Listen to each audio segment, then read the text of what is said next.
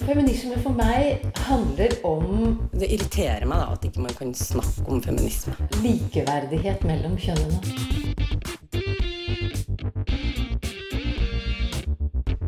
Det blikket på kvinnen på film. handlet det om å bli tatt på alvor som jente. Du hører på Et eget rom på Radio Nova. Boka 'Gleden med skjeden' er nettopp kommet ut, og vi er heldige og får besøk av forfatterne. For hva er greia med utseendefokus der nede? Og hva er egentlig forskjell på vulva og vagina? Og hvorfor var det viktig å skrive en sånn bok?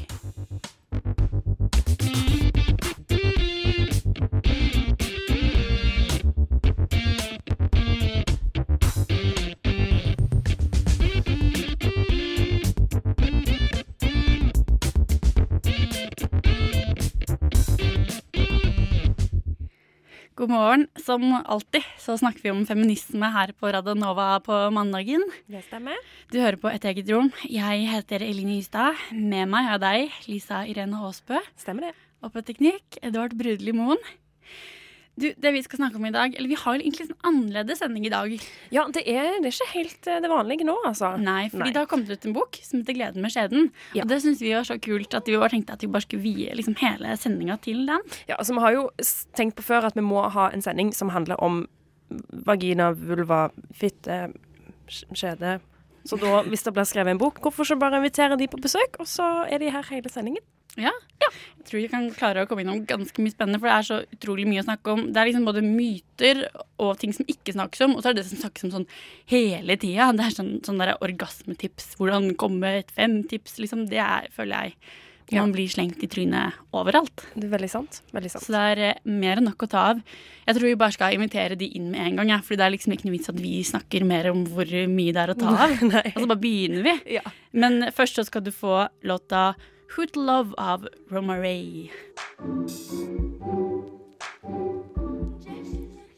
Romaray vet, Kanskje man sier det sånn, på en måte. I hvert fall. Med låta Hoot Love, hørte du der.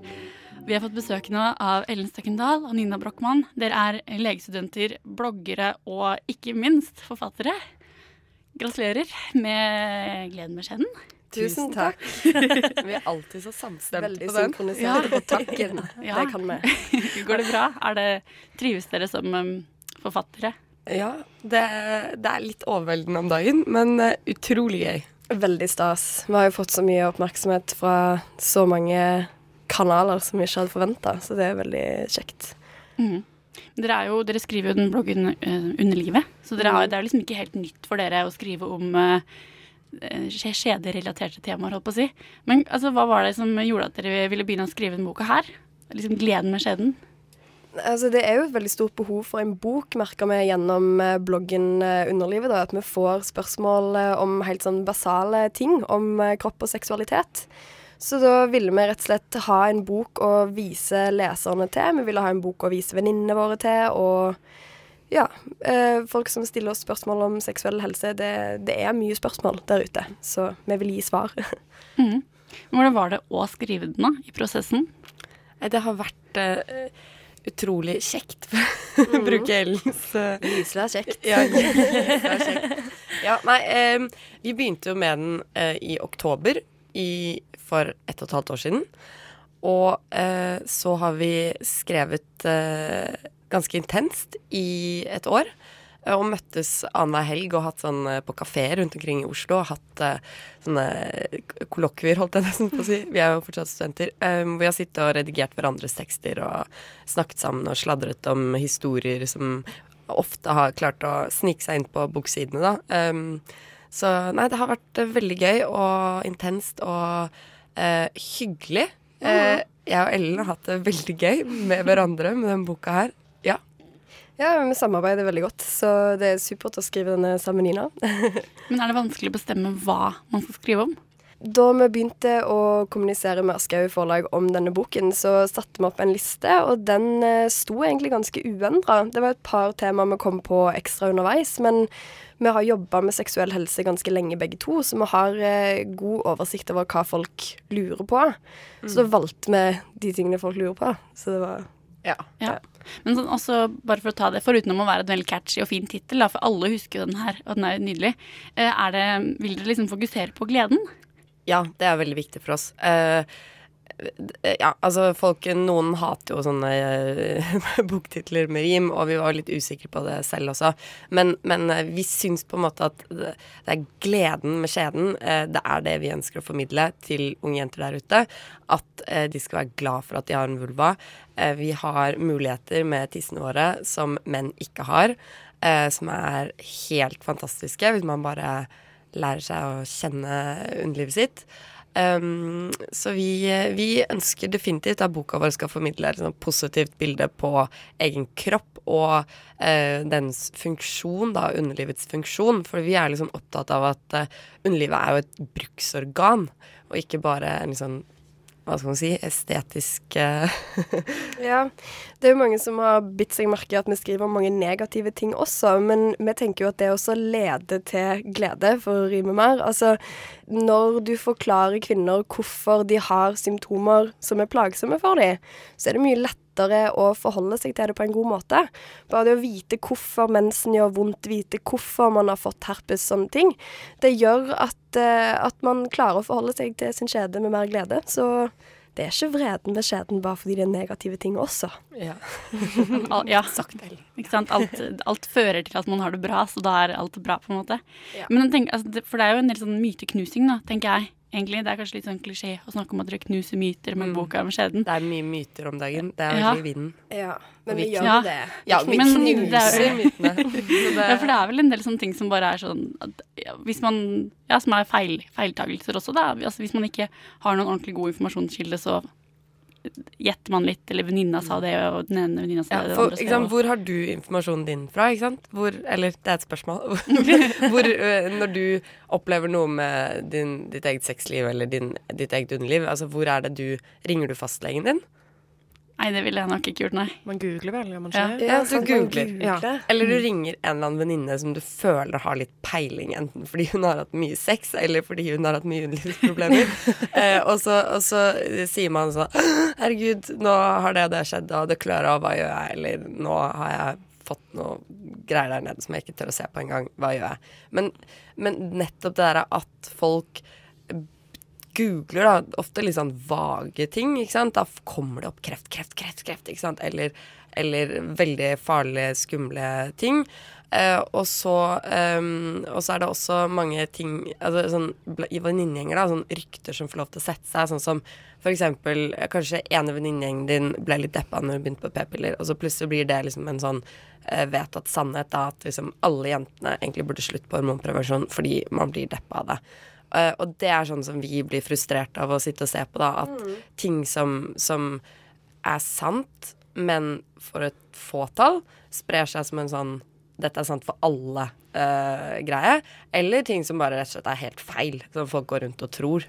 Ja, altså, vi ser jo kjempemange eksempler på at eh, særlig sånn bestemte prevensjonsmidler blir sånn banna i enkelte jentegjenger. Sånn, folk eh, kan ikke bruke den p-pillen Mercilon fordi det eh, har man dårlige opplevelser med. Og så er det, kan det være det perfekte valget for, eh, for den enkelte kvinnen, da. Mm. Det, Det er bra at dere er her, Nina, Nina og Ellen, sånn at vi får rydda opp litt. Og vi skal, vi skal liksom prøve å rydde opp litt utover sendinga. Rydde opp litt i skjeden, eller hva man skal si. Men først skal du få litt musikk fra kanadiske Marie Davidson. Det er litt sånn minimalistisk, men også ganske poetisk. Marie Davidson hører du her med 'Naive to the Bone'. Og vi har besøk i studio av Ellen Støkkendal, Nina Brochmann. Dere har skrevet 'Gleden med skjeden'.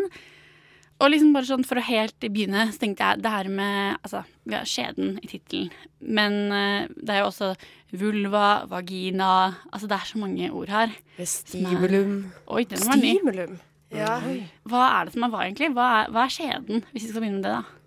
Ja, altså eh, Veldig mange sier vagina om underlivet sitt, men vagina betyr det samme som skjede. Skjede er rett og slett eh, muskelrøret som leder fra de ytre kjønnsorganene og opp til livmoren. Eh, kjent som det du har sex i, og det du føder ut av. Ja, det er skjeden. Så det er vulva man bruker om hele. Ja. Ja. Er det noen andre ord liksom, som, er, som ikke er fitte, liksom, men som Nei, er fitte og vulva. Men fitte, Ja. fitte i, i, Det involverer vel vaginaen også? Uh, ja, for det blir litt igjen sånn når folk sier Altså, folk, når folk omtaler det kvinnelige underlivet, så har jeg inntrykk av at de tenker på det både som de ytre kjønnsorganene og et sånt hull, liksom. Sånn at de skal ha noe inn i fitta di, liksom, og sier Ja. Er det Altså Ja, underlivet til kvinner er på en måte et hull. Ja. Og det er det vi prøver å liksom, åpne horisonten litt og se, se underlivet for det det egentlig er. Mye mer enn bare et hull. Så Ja. da kaller vi det for vulva, altså? Ja. ja. ja. Altså, vi syns jo vulva er veldig fint, da. Det er noen som syns det er et ekkelt ord. Vi syns jo det er et vakkert ord. Vulva, det er liksom Ja, vi snakket litt om det i stad. Lisa også sier at hun syns det er veldig fint. Jeg syns kanskje det er litt sånn voldsomt, men jeg tror jeg tenker på en sånn vulkan eller et eller Ja. annet sånt. Ja. Eh, Ja, Ja. Um, jeg, jeg personlig syns jeg ikke vagina er så veldig fint. Da. Det er Nei. gina. Altså vagina, vagina Ja, men vulva syns jeg i hvert fall er veldig pent, da. Og så har vi jo det andre fantastiske ordet som du nevnte. eh, eller som jeg nevnte. Fantastisk. fantastisk Godt sagt. Godt sagt, Nina. Klapp på skulderen. Ja.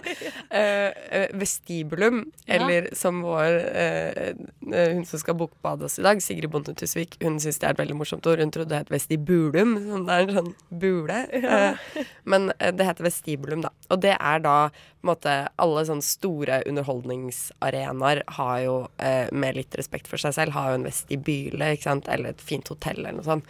Og der er det jo sånn myk rød fløyel på gulvet, og du drikker champagne og kan spiser kanapeer, det det er liksom god, varm, lun stemning, eh, og skaper forventninger om det store som skal skje. Eh, og vi har også da en vestibyle som heter vestibulum, eller vestibulum, eh, og det er da det området mellom de indre kjønnsleppene. Eh, så det er da eh, som en slags dråpe, eh, hvor du har helt øverst og troende klitoris, det er da ikke vestibulum, da. Og så har du urinrøret. Og Du så har sier vestibulum nå. Ja, jeg, jeg vet det. Eh, høres Vestibulum. østkant ut, nesten. Sånn Vestibulum. Brent, brent og ja. Ja, og så er det da eh, kjedeåpningen, da. Og der er jo, det er jo rødt og mykt og varmt. Og ja, det er faktisk litt det. er- fuktig. Det er det som man ser bilde av når man ser sånn på en måte skissetegninger sånn utenfra som sånn snitt. Ja, Liksom. det er inngangspartiet. Inngangspartiet. Vestibyle betyr jo inngangspartiet. Ja. så det er på en måte Det er der eh, man har velkomstdrinken før man går inn i salen, liksom. Ja. Ja. Så hvis, eh, hvis eh, ja, skjeden er liksom teaterhallen eller salen der det skjer, så vestibulum er Ja. Ja. Og, vi, og vi mener jo at folk burde oppholde seg da mer i vestibylen. Det er vel det som er kanskje vår Ja. kampsak. At, eh, at eh, folk løper litt for fort inn i eh, teatersalen eh, og, tror liksom det er der moroa skjer. Men ofte er det ganske kjedelig det som skjer inne på Nationaltheatret. ikke sant? Det er jo det som er morsomt, det er jo å stå og drikke champagne først. Det er høyt Og- metaforisk Ja. nivå. Ja, nå leker vi oss. Hvis du akkurat skrudde på radioen, så snakker vi altså om eh, skjeden. Nei, ikke skjeden. Vi snakker om ok, vestibulum. hvis, ja, beklager.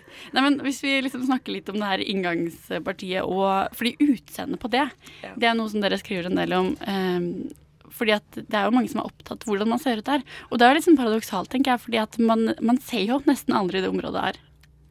Nei, altså Det er jo veldig rart i et samfunn som er så opptatt av sex, og særlig kvinnekropp, og det å seksualisere naken kvinnekropp. Altså, ehm, vi hører jo om uh, ungdomsskoleelever som uh, ikke dusjer nakne foran hverandre, dusjer med undertøy, skrur av lyset, sånne ting fordi uh, når en kvinne er naken og viser fram underlivet sitt, så blir det alltid vurdert og seksualisert, selv av jenter på samme alder. da.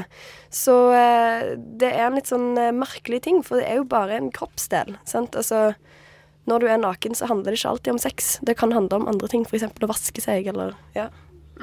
ja. Ja. men det er som du sier, vi, eh, det er merkelig at man er opptatt av utseendet på noe som man nesten aldri viser frem. Og, eh, og vi, hadde, vi hadde en bloggpost helt i starten, det var litt tabloid av oss, eh, som het 'Sånn ser et underliv ut', hvor vi la ut tre eh, damevulvar eh, avbildet forfra og nedenfra eh, på bloggen. Og det, da hadde vi vel 350 000 lesere på en uke eller noe sånt. Um, det ble veldig populært. Men det um, det vi reagerte på da i etterkant av det, det var jo hvor mye slemme kommentarer folk hadde på de bildene. Altså, Ja. Den ene vulvaen var kanskje en litt sånn typisk sånn idealpornovulva. Litt sånn eh, små kjønnslepper. Eh, Hårløs. hårløs. Ja. Lite, lite som skjer, da. Em, og så var det to andre som var liksom også helt normale vulvar, men det var litt lengre kjønnslepper, kanskje litt hår. Uh, ja, eh, litt mer sånn stikker ut og, og leker seg, holdt jeg på å si. Uh, og, og der folk, liksom, folk klikker og legger ut sånn æsj! og Mm, det ville jeg aldri hatt sex med, eller jeg skjønner ikke at noen mann vil ha det. Og det vi så da, var at det var vel så mye kvinner som var jævlige, da. Og som sa sånn der at uff, den nummer to og tre, det må tilhøre noen skikkelig gamle damer og sånn. Og det er sånn, hvordan, Hvorfor snakker vi om hverandre sånn, da? Gutta er som oftest Mange, mange menn skrev jo nettopp jeg driter i hvordan det ser ut. En mus er digg uansett. Ikke sant? Ja. Mennene hadde det perspektivet der, det liksom bruksperspektivet, mens damene satt og rakket ned på hverandre og var sånn 'Det var ikke fint nok', og, og sånn. Ja. Så det var langt eh, for å si at eh, vi kvinner må være snillere med hverandre. For det er det det handler om. Ja, altså det her er jo ikke en regel for hvordan man oppfører seg med hverandre, men ofte så, så er jo sånn eh, nettroll eh, viser ofte litt sånn problemer i samfunnet da, på, på mange måter, enten om det er rasisme eller sexisme eller sånn som dette her, sånn heavy utseendepress retta mot en kroppsdel som vi syns at man skal se på som et, eh, et flott liksom, bruksorgan, da. Eh, så det, det er veldig spesielt. Hvor kommer det her fra? Satt vi og tenkte på det. Hvorfor, ja. hvorfor syns folk dette om andres underliv? Ja, noe, hvor kommer det fra? Hvor tror du det kommer fra? Jeg tror det kommer fra en slags sånn Jeg Vi har snakket mye om dette, og det fins jo ikke noe klart svar, men jeg tror det kommer litt av en sånn eh, misforståelse om at man har en idé om hvordan alle andre ser ut som ikke stemmer, nettopp fordi man ikke ser hverandre nakne. Man ser ikke underlivene til hverandre. Og det folk ofte reagerte på, var jo de bildene hvor man ser eh, underlivet under, unnifra, da. Som er da man eh, kanskje ser mest uryddig ut, for å bruke et sånt ord. Eh, For underlivet er en uryddig kroppsdel på veldig mange kvinner, og det, det er sånn det skal være. Men, men det ser man ikke når man står i dusjen med andre jenter, og man vet ikke hvordan andre ser ut. Og eh, så er det jo sånn at eh, barn har eh, små kjønnslepper, ryddige underliv. Så kommer man til puberteten og opplever en endring som man ikke har blitt fortalt om på, på ungdomsskolen eller i seksualundervisning. Ja, eller ikke, ikke har blitt opplyst om i det hele tatt. Og da, da skjer kanskje en sånn sjokkerende endring som man ikke var bevisst på. Og da kan man begynne å føle seg unormal. Og hvis man ikke snakker med venninner om dette, og opplever at andre har underliv som ser like ut, eller lignende, så, så står man der og føler seg alene, altså. Og tror at man er rar. så Spesielt hvis det eneste man ser er porno, da. Og der er det jo ikke så veldig mye variasjon. Nei, nettopp. Sant. Så da, men det er jo ikke rart dere får mye klikk, da. Når, det er på en måte, når man aldri ser det noen steder, og så når Nei. noen legger det ut, så er det sånn Oi, OK, da. Her er det noe jeg kan se på. sånn, Ja. det er jo sånn rart, da, for det gir jo ikke mening at det skal se så veldig pent ut. Hvorfor i alle dager skulle det se liksom perfekt ut der inne? Nei, Liksom? og når var det noen begynte å snakke om hvordan liksom manneunderlivet ser ut, da? Altså, tenk deg, tenk deg liksom skrotum, pungen. Altså, det, det er jo ikke lekkert. Den henger, den lever sitt eget liv og trekker seg opp og ned, og ballene driver og fyker rundt, og det er liksom eh, Og penis også er jo ikke sånn veldig estetisk, men det er kanskje litt sånn klinere, da, enn eh, en kvinnelig underliv. Ja, ja, men, men, man klarer klarer å liksom holde seg til at det er en funksjonell ting. Da. Altså noe Ja. som skal brukes til noe, og ikke noe som skal se så veldig flott ut. Det er så typisk at når det er snakk om kvinner, så må det se så fint ut. Ja. Hvorfor det? Skal snakke mer om hva, altså, hva folk gjør for å få det til å se fint ut. For det er jo en del som, eh, som velger å operere seg også. Men før det så skal du få litt musikk fra Zoos of Berlin, som egentlig ikke er fra Berlin, men som er fra Detroit. A clock could never tell. Oh, yeah, my, my point. Feminism is not about being better than men. Is it? Et eget rom prøver å finne ut hvor mye feminisme egentlig kan være. Hver mandag på Radio Nova.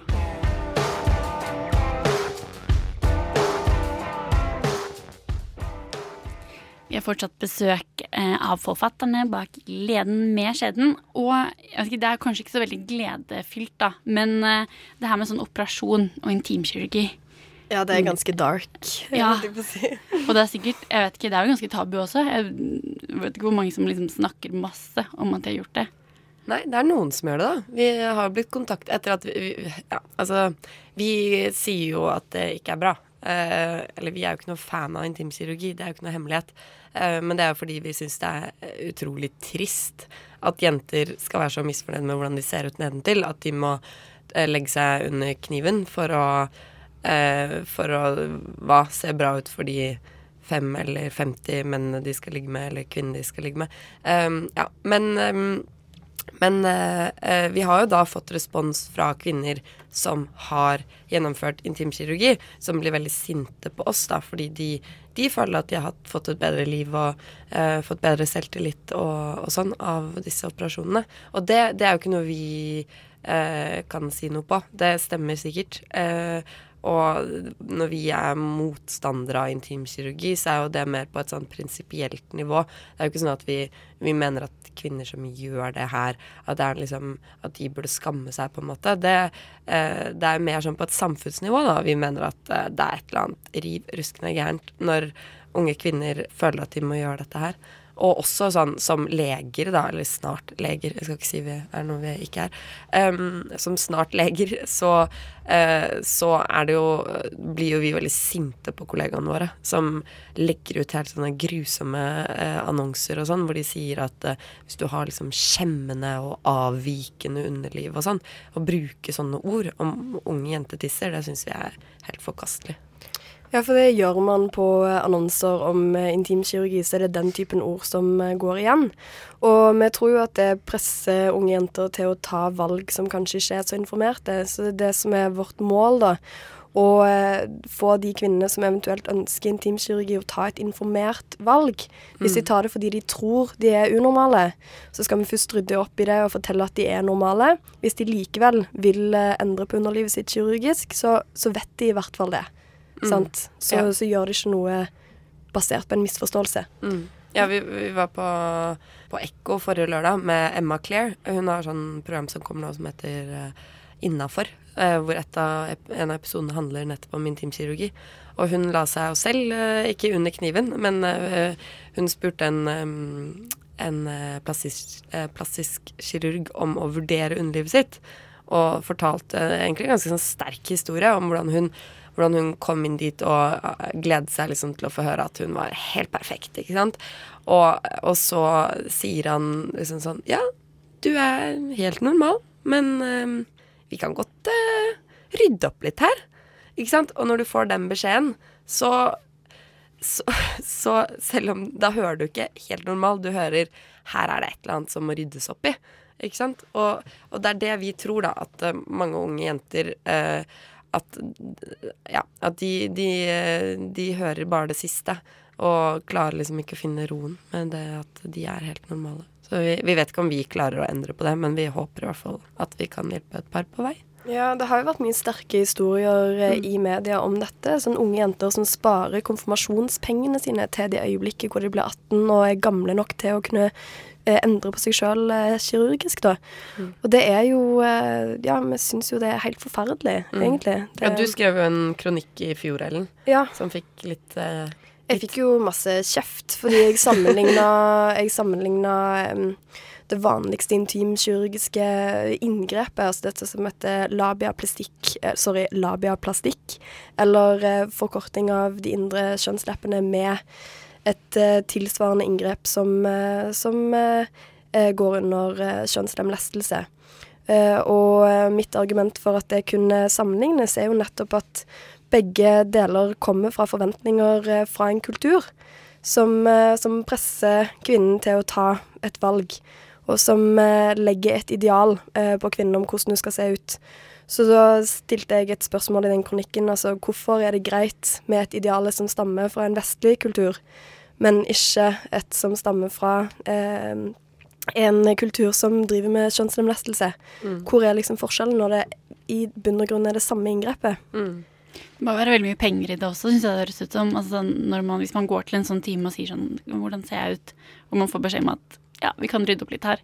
Så får man jo ganske mye mer lyst til å rydde opp litt enn mm. enn hvis noen bare sier det her er helt normalt. Det, Ja. det, er, det er ikke noe galt med deg. Ja. Ha det bra. Ja, Liksom. jeg vet ikke hvor mye penger det er i det. Eh, Det, det må jo være det, siden de tilbyr det. Eh, Plastikkirurger er kjent for å være opptatt av penger. Eh, så, så det er jo sikkert Ja, det må være penger i det. Og det, det syns vi er ekkelt. Men sånn, eh, Du nevnte jo en type nå, eller en type, type Mm, operasjon ja. du kan gjøre. da. Men hva, slags, hva andre typer er det, liksom? Uh, ja, vi så litt på dette. Gikk inn på uh, nettsiden til Oslo plastikkirurgi, og der kommer dette, disse ordene med skjemmende og ja, denne Avvikende. ordbruken avvikende, ikke sant, og usymmetrisk og negative ord knytta til kvinnelig underliv. Og der er det litt forskjellige ting som eh, tilbys. Det, er på, det vanligste er jo labiaplastikk, som jeg nevnte. Men så er det også endring av eh, fettfordeling på venusberg. Du kan nemlig ha en uheldig fordeling av fett Ja. på venusberget Sånn som man kan ha på hele resten av kroppen. Ja. Ja. Så Venusberget, det er Det er da på en måte det, den eh, Der ordet bollemus kommer fra. Altså det er en litt sånn eh, puten som Ja. ligger foran der hvor eh, trekanten med hår er. Mm, Eller firkanten, eller normalt og fint å ha fett eh, der, ikke sant? Men eh, Jo, men det er også noen som får sprøytet inn fett fordi de mener at de har for lite bollemus. Så det, det kan være uheldig i alle retninger. Og Ja. det samme med da ytre kjønnslepper kan man endre fasong og form på med fettinnsprøyting. Og hvis det er forskjellig lengde på dem, Mm. kan man forandre det. Og så er det Ja. jo klitoris, da. Klitoris blir også operert på, fordi eh, klitoris er jo egentlig en minipenis. Eh, akkurat samme oppbygning som mannens penis. Det er egentlig sykt fascinerende når du går inn i liksom, anatomien og ser det. Det er helt klin likt. Um, men i hvert fall, det var en digresjon. uh, Uh, I hvert fall, klitoris kommer i masse forskjellige størrelser, og noen har en litt større uh, klitoris, uh, eller hengende klitoris, som de da sier. altså den delen som er på utsiden, da. Ja. Mm. Kl Ja. Klitorishodet. Altså eh, knappen foran. Den kan, den kan være litt større og henge, da. Um, og vi liker jo ikke ting som henger. Og så kan også ha, eh, akkurat som mannens penis, så har kvinner også forhud. Eh, så vi har da forhud på vårt klitorishode, akkurat som de har forhud på sin penishode.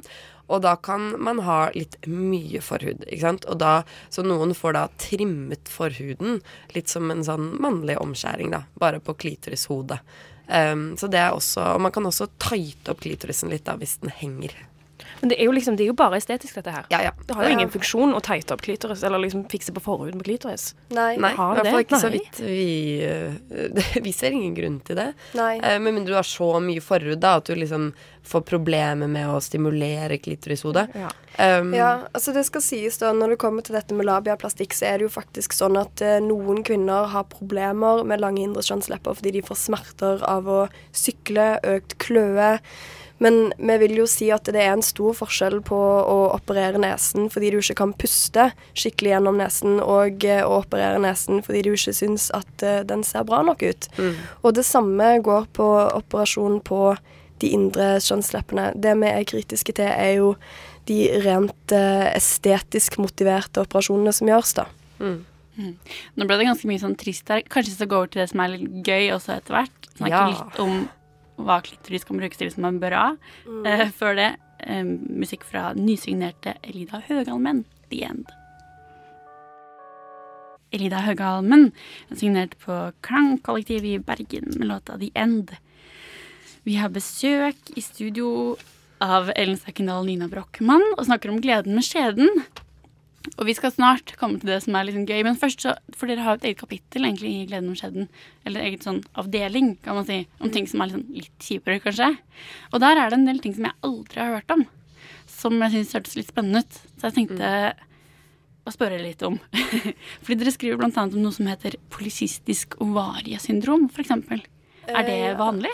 Ja, det er veldig vanlig, altså. Det er en eh, Alle syndromer er jo på en måte en eh, sekk med symptomer, da. Så dette er et eh, en tilstand eh, som kvinner får, som kjennetegnes av at man har eh, mensen veldig sjelden. Det betyr også at man eh, sjelden, eller kanskje aldri, har eh, eggløsning, og det kan påvirke kvinners evne til å bli gravid. I tillegg, ja, vil du Ja, og så, eh, så, så det er på en måte sånn man mistenker at man har det, da. Hvis du har mensen veldig sjelden, eh, eller, eh, eller ikke har det i det hele tatt. Men eh, navnet er polysystisk. Ikke sant? Det er, syst, det er poly, mange syste. En syste er en slags sånn vannballong. Um, så det man ofte har sett, er at disse kvinnene også har sånne eh, vannposer eh, på eggstokkene sine um, i tillegg. Og så når man tar blodprøver av dem, så ser man at de har eh, hormonforstyrrelser. Sånn at den normale hormonbalansen av altså kvinnelige kjønnshormoner er litt forstyrra. Eh, og alt dette sammen gir diverse eh, andre symptomer utenom det å ha sjelden mens, som f.eks. Eh, overvekt. Eh, du får forstyrrelser i fettprofilen i blodet, så du får kanskje en økt risiko for sånn hjerte-karsykdommer. Og så i tillegg så um, I tillegg så var det en siste Kviser og Kviser og hårvekst hår, det var det. vanlig. Sånne generelle tegn på at noe er rart med hormoner, liksom. Ja. ja. Det er Altså- mer av det mannlige eh, kjønnshormonet hos disse kvinnene. Så balansen Mm. mellom testosteron, eh, mannens eh, hovedkjønnshormon, og østrogen er forstyrra. Så da får du disse hår og kviser. ja. Ja. Og, og hos jenter med hårvekst på i ansiktet og eh, liksom på langt opp på magen og sånn, så er det som oftest eh, polycystisk ovaresyndrom som er årsaken. Og, og det er det jo mange kvinner som syns er skjemmende. Um, og hvis man da hadde kommet liksom raskt til legen kunne, og begynt på hormonbehandling, så kunne man da eh, forhindret at eh, den hårveksten oppsto. Eh, og så er det jo, men det viktigste er jo nettopp dette her med, med at det er vanskelig å få barn, da. For du har rett og slett ikke eggløsning. Um, så mange oppdager det først når de begynner å prøve å bli gravide, og så skjer det liksom ikke noe. Og så går de til legen, og så får de vite at å ja, men du har jo polycystisk ovariesyndrom. Og så kunne de kanskje gjort noe med det egentlig for ti år siden, ikke sant. Um, Men det er fortsatt uh, fullt mulig å gjøre noe med det, og man har behandling Mm. som gjør at man kan bli gravide uh, med hjelp av hormonbehandling og sånn. Så Mm. uansett når du kommer til legen, så, så går det som regel bra. mm, det er det som er fint med denne sykdommen, da. Du blir, de aller fleste blir gravide.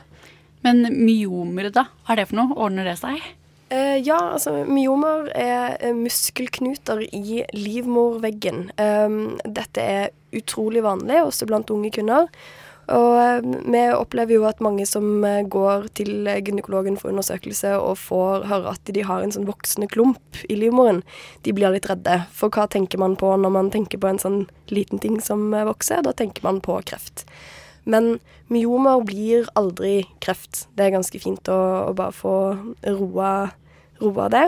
Eh, det kommer også eh, Det er rett og slett muskellaget som vokser til sånne små kuler.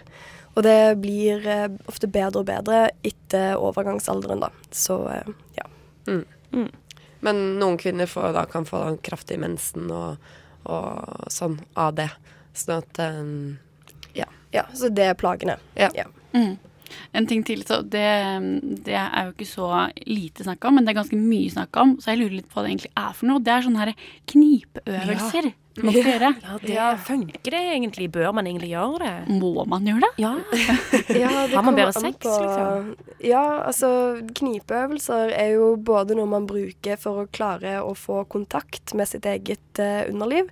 Litt sånn hvis du uh, klarer å bruke underlivet og uh, bekkenbunnsmuskulaturen aktivt under sex, er det mange som opplever at man enklere får orgasmer. Og hvis man er sterkere i de musklene, de kan trenes som alle andre muskler, så opplever man kanskje også at eh, det blir eh, ja, lettere å, å bruke musklene aktivt under sex, og at man får kraftigere orgasmer, kanskje. Mm. Så eh, Ja, og det, det her er jo sånn Akkurat kegel exercises og knipeøvelser og sånn Det er jo sånn Det er ikke veldig god dokumentasjon på, på mm, eh, effekten i forhold til orgasme og sånne ting. Um, men vi kan jo prøve selv her nå og liksom bare stramme underlivet. dere som hører på nå, Ja. stramme Stram underlivet. underlivet, ja. underlivet. Ikke sant? Det det er veldig vanskelig å snakke. Det er veldig vanskelig å gjøre noe som helst annet enn å bare tenke på hva man gjør der nede. Og, det, um, uh, og sånn er det litt under sex også.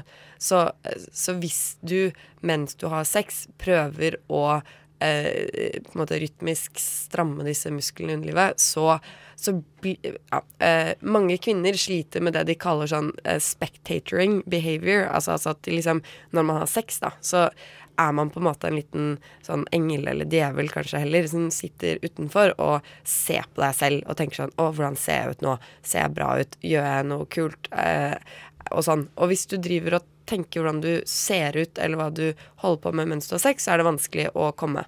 Fordi du, du er et annet sted da enn i underlivet ditt. Men hvis du driver og prøver å stramme underlivsmusklene, så forsvinner den der lille djevelen. så, så uavhengig av om det faktisk eh, funker sånn eh, um, eh, orgasmemessig, altså om den faktisk blir sterke eller ikke, selv om vi tror på det, da, så, så, så kan vi i hvert fall love at det gjør at den der eh, lille djevelen eh, forsvinner ganske Litt fort. sånn meditativ funksjon. Ja, Samle ja, seg ja, i kjernen av ja. Ja. Kult. Det Vi skal, nå, nå lover jeg at vi snart skal snakke om det som faktisk funker. Ja. Eh, bortsett fra kanskje knipeøvelser. Men før det så skal du få Girl med låta Elderflower. Du som er sliten og sinna og lei. Nå vil vi synge ei vise til deg om at kvinner kan si fra, protestere og slåss. Bli med hos oss. Du hører på Et eget rom. Likestilling kommer ikke av seg selv. Ja, det stemmer jo det. Og eh, vi har fortsatt besøk i studio. Snakker om skjeden. Vi har snakka om ganske mange sånne tunge ting. Skal vi avslutte med noe som er litt sånn gøy? Ja. Ja. Ja, Jeg legger ut på Instagram at vi er her. Altså, ja men det er bra. på. Det er viktig. men eh, jo, altså jeg vet ikke, jeg har liksom inntrykk av at det er så utrolig mye sånne artikler hele tiden om sånn tips og triks. eh, Hvordan bli bedre i senga, hvordan komme multi mange ganger. Her og er. G-punktet. Ja, sant. er det liksom så vanskelig som det virker som? Eh, jeg vet ikke om det er så vanskelig, men det som er problemet, er jo at eh, mange av disse tipsene som kom, kommer, ikke er helt sånn vitenskapelig eh, Har ikke noe vitenskapelig grunnlag. eh, så de er tatt litt ut fra løse luften, og jeg tror kanskje de skaper mer forventning enn eh, de skaper resultater. Mens eh, i vår bok så har vi faktisk en eh, såkalt eh, vitenskapelig orgasmebibel. Mm. Som, eh, som jeg tror funker veldig bra. Ok. Vi har testa den ut selv. Med det. Ja, det høres jo, høres jo veldig bra ut. Hva, hva er det som er lurt å gjøre da? Um, det er flere ting. Skal vi ta Eh, den som vi tok i Nettavisen? Én. Å gud, jeg husker ikke Ja. Altså, Det første er vel det der eh, Det vi snakket om i stad, sånn Kegel-øvelser. Ja. Ikke okay. slapp av. Uh, stram underlivet, så fokuserer du på det du gjør. Sant? Ja. Ja. Vær in the moment. Ja. Vær i underlivet ditt. Det er tips én.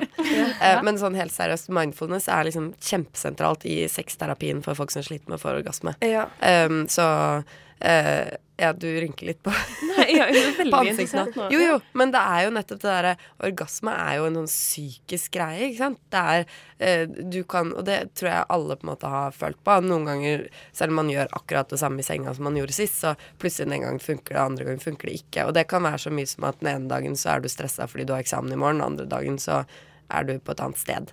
Og orgasme er en psykisk greie. Så derfor er sånn mindfulness prøve å liksom bare kjenne på sansene dine, det, eh, det funker. Eh, men altså, det er vanskelig å være in the moment, da. Det er, eh, det er noe man må trene seg på. Men eh, det er første beste råd. Og så er det nummer to, som er å Det var vel mitt. Løp deg en tur. Eller se en skummel film. Eh, ja. Det hørtes ikke så veldig orgasmerelatert. jo, Jo. fordi Ja, fordi L... Eh, Ja, altså når adrenalinet begynner å pumpe i kroppen når du blir eh, litt sånn på, så, så blir du eh, Kan du oppleve at du blir eh, kåtere? Ja. Ja, og det er lettere å få orgasme. Så jogge en tur og så liksom rett i senga. Ja. ja. Det må ganske kort tid etterpå, da. Så drit i dusjen. Bare liksom Ja. eh, Løp en tur sammen. Ja. Sant? Og ha sex i skogen. Nei, da blir det helt dameblad. Nei, men Hvorfor eh, skjer jo orgasme i skogen. ja. Nei, men det er faktisk noe i det. Altså, når blodet pumper skikkelig, og sånn, så blir det mer blod til underlivet også. Og jo mer blod du har i underlivet, jo lettere er det å ha det digg. Og så er det um, Ta på deg sokker. Det var triks tre. Ja.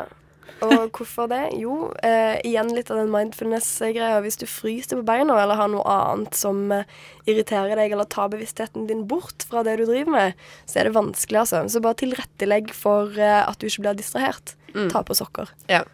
Eller T-skjorte, eller skru av lyset. Altså litt sånn motsatt av det damebladene sier, da. Hvor det er sånn skru på lyset, og alt skal være så jævla sensuelt, da. Eh, vi er litt sånn motsatt. Gjør det litt usexy, hvis det får deg til å kunne fokusere på tissen din. Ja, for hvis du ligger der og tenker på hvordan magen din ser ut, altså det funker ikke, det skjønner jo alle. Og, Ja. og den derre eh, Ja, altså det å klare å bestemme seg for å kjøre på og like seg sjøl, det er mye lettere å bare ta på den T-skjorten, så kan du starte der, da, ikke sant? Ja. Og så var det siste, eh, siste, da. Og det er kattestillingen. Sånn mjau, katt. Ja. Um, uh, eller det er vi som har gjort det til en katt-pus-stilling, da. Fordi det eh, står egentlig for CAT, som er da eh, coital alignment teknikk. Ja, for når jeg først leste katt, så tenkte jeg sånn Her skal man liksom stå på alle fire. Og liksom, det føltes veldig Jo, mye ut. jo, nei, men du må Men er heller tenke på at det er katt som en sånn Hvis du har sett for deg en sånn kosete katt, ikke sant? Ja. Som kommer sånn og gnir seg sånn inntil benet ditt. Det er sånn type katt. Den- Eh, det, er ikke, det er ikke liksom en katt som står i, på alle fire. Eh, dette er egentlig en veldig sånn Det er en modifisert misjonærstilling hvor eh, kvinnen ligger eh, ganske sånn stivt som en stokk og legger bena sine på en måte tvinner bena sine rundt mannen sine ben, og så skal mannen ligge veldig tett oppå kvinnen, eh, sånn at man egentlig ligger som en sånn sandwich, og så skal man gnukke. Eh, så det er egentlig liksom tilbake til ungdomsskolens tørrjokking. Mindre av den der ut-og-inn-greia som, eh, som menn ofte er så fan av. Og litt mer sånn penis skal ikke så langt inn i kjeden, for det trenger den ikke, for der er- har du ikke noen nerveender. Eh, så den er mer sånn ytterst, og så gnir eh, mannen og kvinnens underliv seg mot hverandre. Og da får du hele poenget. Hvorfor bryr vi oss om den stillingen? Jo, det er fordi klitoris eh, blir stimulert eh, Altså de ytre delene av klitoris blir stimulert utrolig bra av denne stillingen. Og så eh, et poeng til. Eh, mange um, når de hører om den stillingen, så tenker de sånn Oi, så kvinnen skal bare ligge der som en potetsekk. Det hørtes fryktelig kjedelig ut. Men det skal man jo ikke. Det er kvinnen akkurat like aktiv som mannen i denne stillingen. Man skal på en måte eh, bevege underlivene sine eh, mot hverandre i litt sånn annenhver eh, greie. Eh, som litt sånn bølge som slår mot strand. Uh, ja. så, så det er kvinne er absolutt aktiv. Og man kan jo også bare snu den på hodet, og så sitter dama oppå og gjør samme greia. Uh, reversed coital alignment-teknikk. Um, ja. Veldig vitenskapelig. Motsatt Ja. katt. Og det her er faktisk ting som funker, da. Ifølge vitenskapen. Det er jo helt nydelig. Det er Ja. ikke bare sånn Word on the Street Jungeltelegrafen. Jeg syns også det er veldig gøy å se for seg at alle lytterne nå må sitte og se for seg det her. Fordi Ja. sexstillingsråd funker kanskje ikke så bra på radio. Men uh, jeg håper det funker litt allikevel. Hei, har vi råd? Uh, vi har glemt det viktigste rådet. Okay, Har vi tid? Kjør på. Fort. Ja, men jeg husker ikke det. Nei, OK. Onaner! Ja, ja, Ja. det er jo det viktigste. Ja. Altså, du, du får jo ikke til hvis du ikke øver deg, og du må øve og øve og øve. Så egentlig, ja, absolutt vårt viktigste tips. Tall. Ja, tall. Herregud. Eh, 60-90% av kvinner som aldri har fått eh, orgasme tidligere, får det når de har øvd seg, altså onanert, Daglig. daglig i opptil syv uker. Ja. det er lenge. Men ja. Jo, men Jo, men herregud, hallo, det er jo gøy, da. kjekt. Så da får de det under sex hvis, de, hvis Ja. du gjør det i Ja. 67 uker Ja. dag. Ja, eller Litt altså, høyere sjanse Da for det. tenker vi også på de som ikke har fått orgasme i det hele tatt. Ja. Ja. Ja. Så da øver du deg. Klassisk kvinne kjent din kropp. Ja. Bli kjent med deg sjæl. Tusen takk for at dere kom, Ellen Støkendal og Nina Brochmann. Jeg kunne hatt dere her i tusen år, tror jeg, for det er så mye å snakke om. Og det var veldig hyggelig at dere hadde tid oppi alt eh, Alt. Viraken. Ja, det er gøy at dere får så oppmerksomhet. Det var veldig hyggelig. Veldig hyggelig, altså. Superhyggelig at dere ville komme. Ja. Med dere ut så skal dere få en ganske kul låt. Tror dere kan danse litt til den her. Kero Kero Bonito og Sick Beat.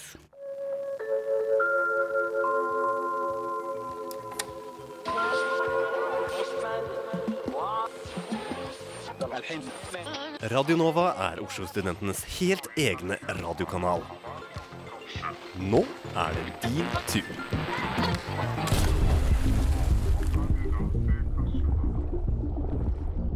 Lyst til å lage radio?